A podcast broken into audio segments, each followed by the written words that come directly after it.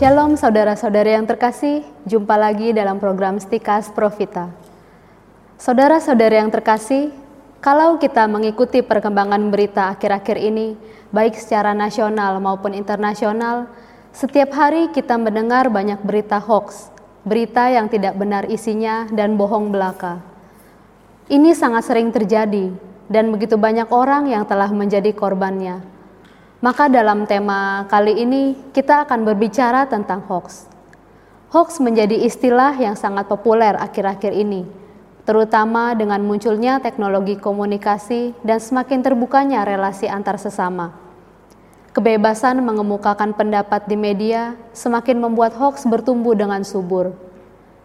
Meskipun hoax adalah istilah baru, tapi sesungguhnya hal ini sudah sangat lama. Hoax secara umum berarti berbicara, menulis, atau membuat pernyataan yang melawan kebenaran. Hoax adalah bahasa lain dari pendustaan, lawan dari kejujuran. Artinya, mestinya seseorang berbicara secara jujur, bicara sesuai dengan kebenaran, tetapi justru sebaliknya yang dilakukannya. Maka hoax ini adalah bentuk dari kebohongan, baik kepada publik maupun kepada pribadi tertentu. Hoax adalah bentuk penipuan, penyangkalan dari kebenaran. Jadi meskipun hoax itu kita kenal sebagai istilah yang baru, namun sesungguhnya ini adalah sesuatu yang sudah lama terjadi di masyarakat kita. Ada banyak hoax pada zaman sekarang, maka kita sangat perlu berhati-hati. Ini adalah satu bentuk penipuan, pemutarbalikan kebenaran untuk keuntungan diri sendiri. Kita tidak perlu mempertimbangkan atau bertanya, apakah hoax itu baik atau tidak. Jelas hal itu tidak baik, karena melawan kejujuran, melawan kebenaran. Ini adalah bentuk penipuan, karena dari sudut pandang iman Kristiani, hoax merupakan suatu dosa, sebuah kejahatan yang sengaja dibuat. Hoax terjadi kalau dengan sengaja seseorang menciptakan dan menyebarkan suatu kabar atau berita bohong dengan maksud untuk memperoleh keuntungan tertentu dari kebohongannya, dan dengan demikian merugikan pihak-pihak lain. Jadi, menurut saya, yang bersalah dalam hal ini bukan saja para pembuat hoax, tetapi juga orang yang menyebarkannya.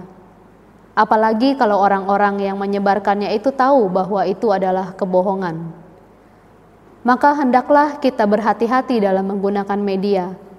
Sebab dalam waktu yang singkat, kejahatan ini bisa menyebar ke seluruh dunia tanpa dapat dikendalikan. Gara-gara dua jari ibu kita ini, kita bisa membawa kehancuran. Kita juga melihat dalam bentuk lain, hoax adalah dusta. Santo Agustinus mengatakan bahwa dalam dusta, orang mengatakan yang tidak benar dengan maksud menyesatkan. Tujuan hoax itu menyesatkan orang lain, menjauhkannya dari hal yang benar, bahkan pada akhirnya akan melawan apa yang benar.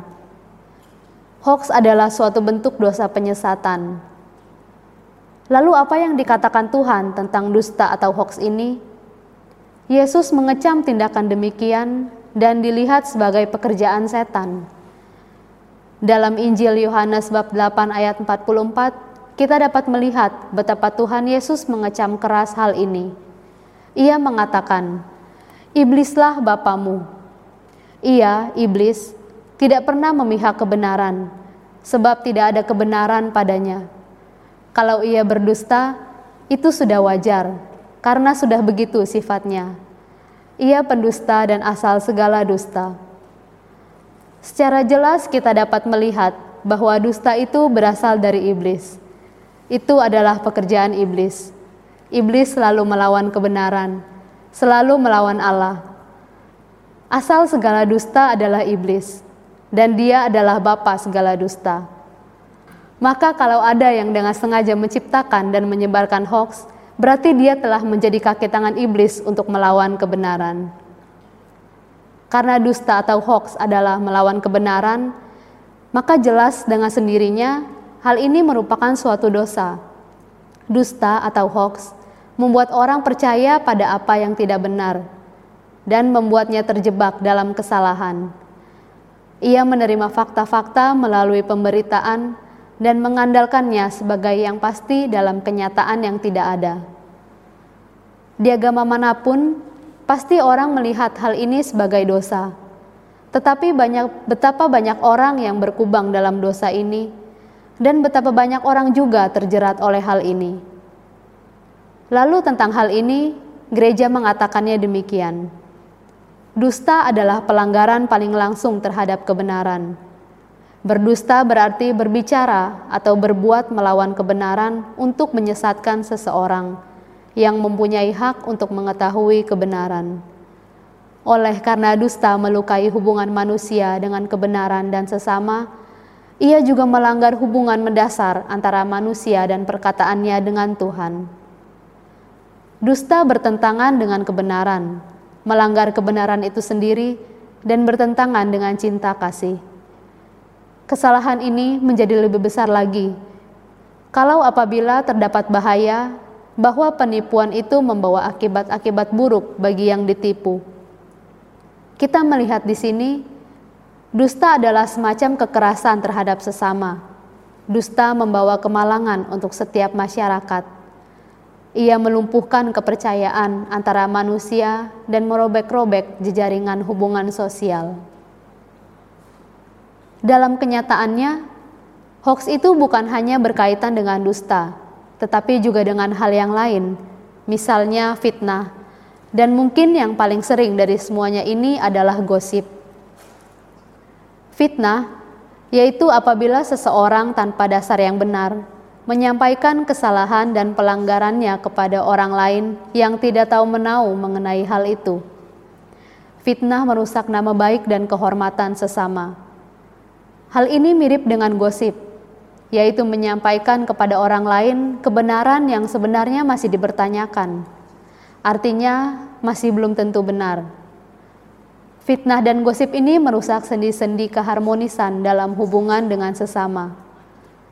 Dan tentang gosip, Paus Fransiskus dalam suatu kesempatan pernah mengatakan bahwa penggosip itu bagaikan seorang teroris. Dia meletakkan bom di suatu tempat lalu pergi dan membiarkan bom itu meledak dan menghancurkan semua manusia dan lingkungan di sekitarnya. Gosip itu menghancurkan sesama. Dalam kenyataannya, kebenaran sebuah gosip masih belum tentu, dan sesungguhnya gosip itu melawan kebenaran itu sendiri. Semoga kita menjauhkan diri dari kebiasaan menciptakan hoax dalam berbagai bentuknya seperti berkata atau berbicara dusta, memfitnah, dan menciptakan dan menyebarkan gosip. Hoax bukan saja melawan kebenaran, tetapi juga melawan cinta kepada sesama. Dengan demikian, berarti melawan keadilan juga. Ia merusak keharmonisan, merusak sendi-sendi persaudaraan dan cinta kasih. Sebagai akhir kata, semoga kita mampu menggunakan media dengan baik untuk menyebarkan kebaikan, bukan kejahatan dengan menciptakan dan menyebarkan hoax. Semoga saudara mencintai dan memahami kebenaran sehingga akhirnya diselamatkan. Salam Profita.